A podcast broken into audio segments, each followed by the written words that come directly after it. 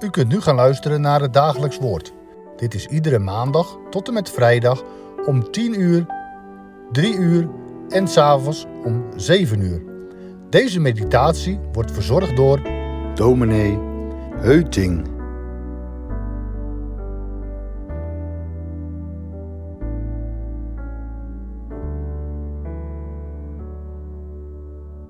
De tijd gaat voort. Mozes is getrouwd met Sephora. Ze krijgen een zoon. Gersom is geboren. Zijn broer Eliezer kennelijk nog niet. Diens naam wordt pas veel later genoemd. Ondertussen hoedt Mozes de kudde van schoonvader Jethro. Het leven gaat door. De dagen rijgen zich aan één.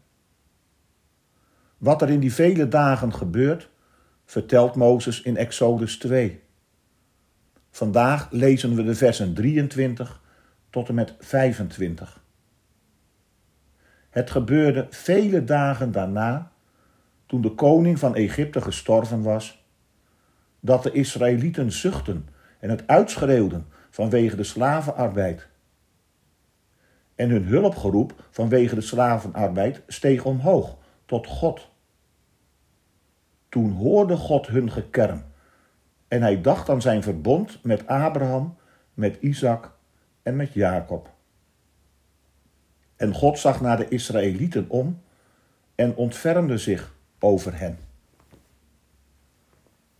Farao is overleden. Is hij dezelfde koning die aantrad in Egypte en die Jozef niet gekend had? Waarschijnlijk niet. De jaren zijn vervlogen. In ieder geval valt de vermelding op. Er kwam een einde aan zijn dynastie. De farao die de tirannie tegen Israël voortzette, is weliswaar gestorven, maar dit betekent geen einde aan de onderdrukking. Zijn opvolger zet dit beleid gewoon voort. De Israëlieten zuchten onder zijn bewind en schreeuwen van ellende. Dat moeten we in eerste instantie letterlijk nemen. Ze schreeuwen het uit als ze worden afgeranseld door Egyptische opzichters tijdens hun slavenarbeid. Daarnaast mogen het ook geestelijk nemen. Hoewel dat niet direct zo hier wordt verteld. Ze schreeuwen het uit ook naar God. Hoe het zij, God hoort het. Hij luistert. Het gejammer van Israël op aarde dringt tot hem door in de hemel.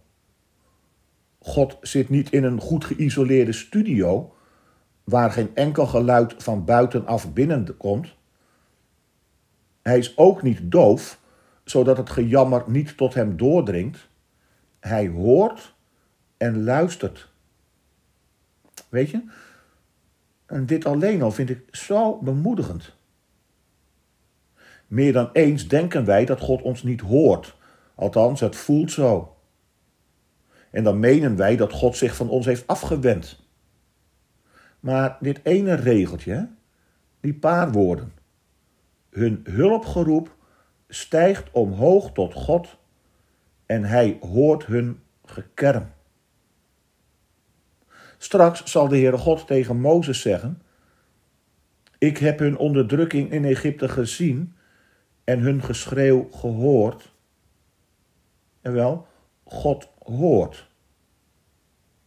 Maar dat is iets anders dan direct verhoren of gehoorzamen.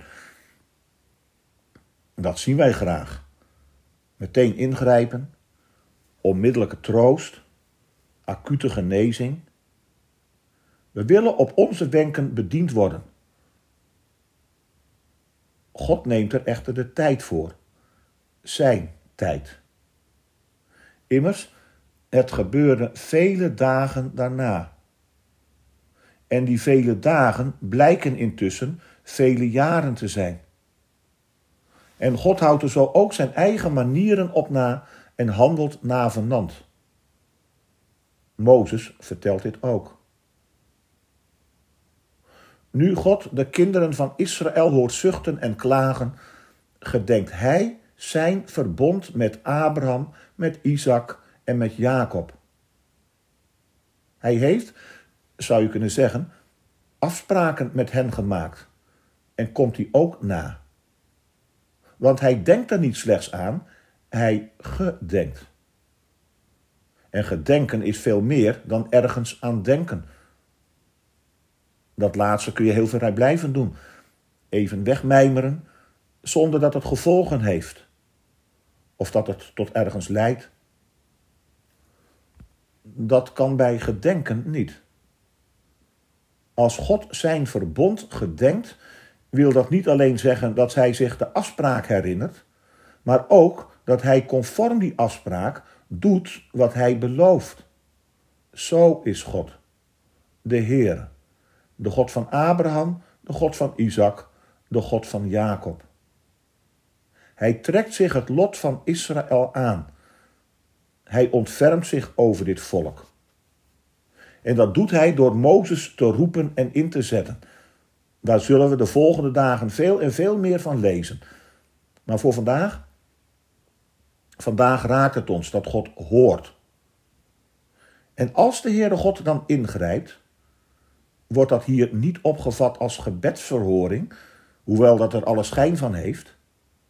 Maar het volle accent valt hier op het feit dat God uit zichzelf reageert op de ellende van zijn volk.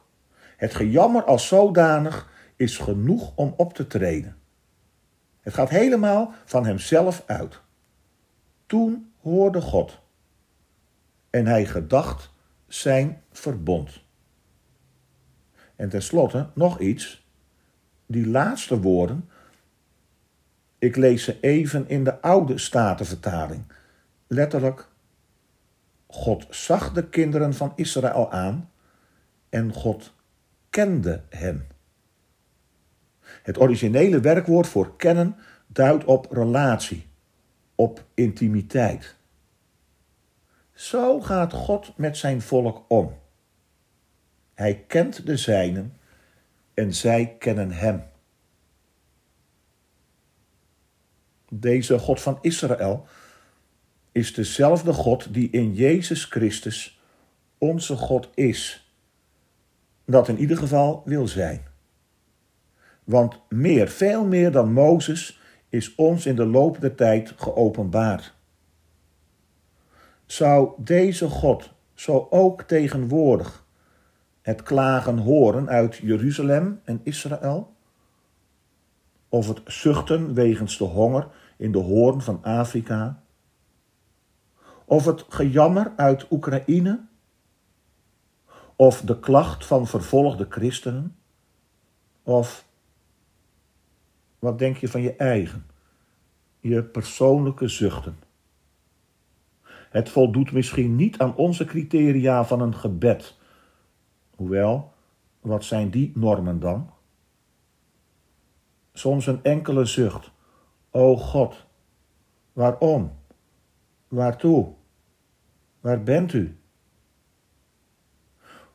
Om het te zeggen met Psalm 33 in de berijming van de blinde dichter Jan Wit. Ja, hij kent de zijnen. Hij laat niet verkwijnen wie zijn hulp verbijt.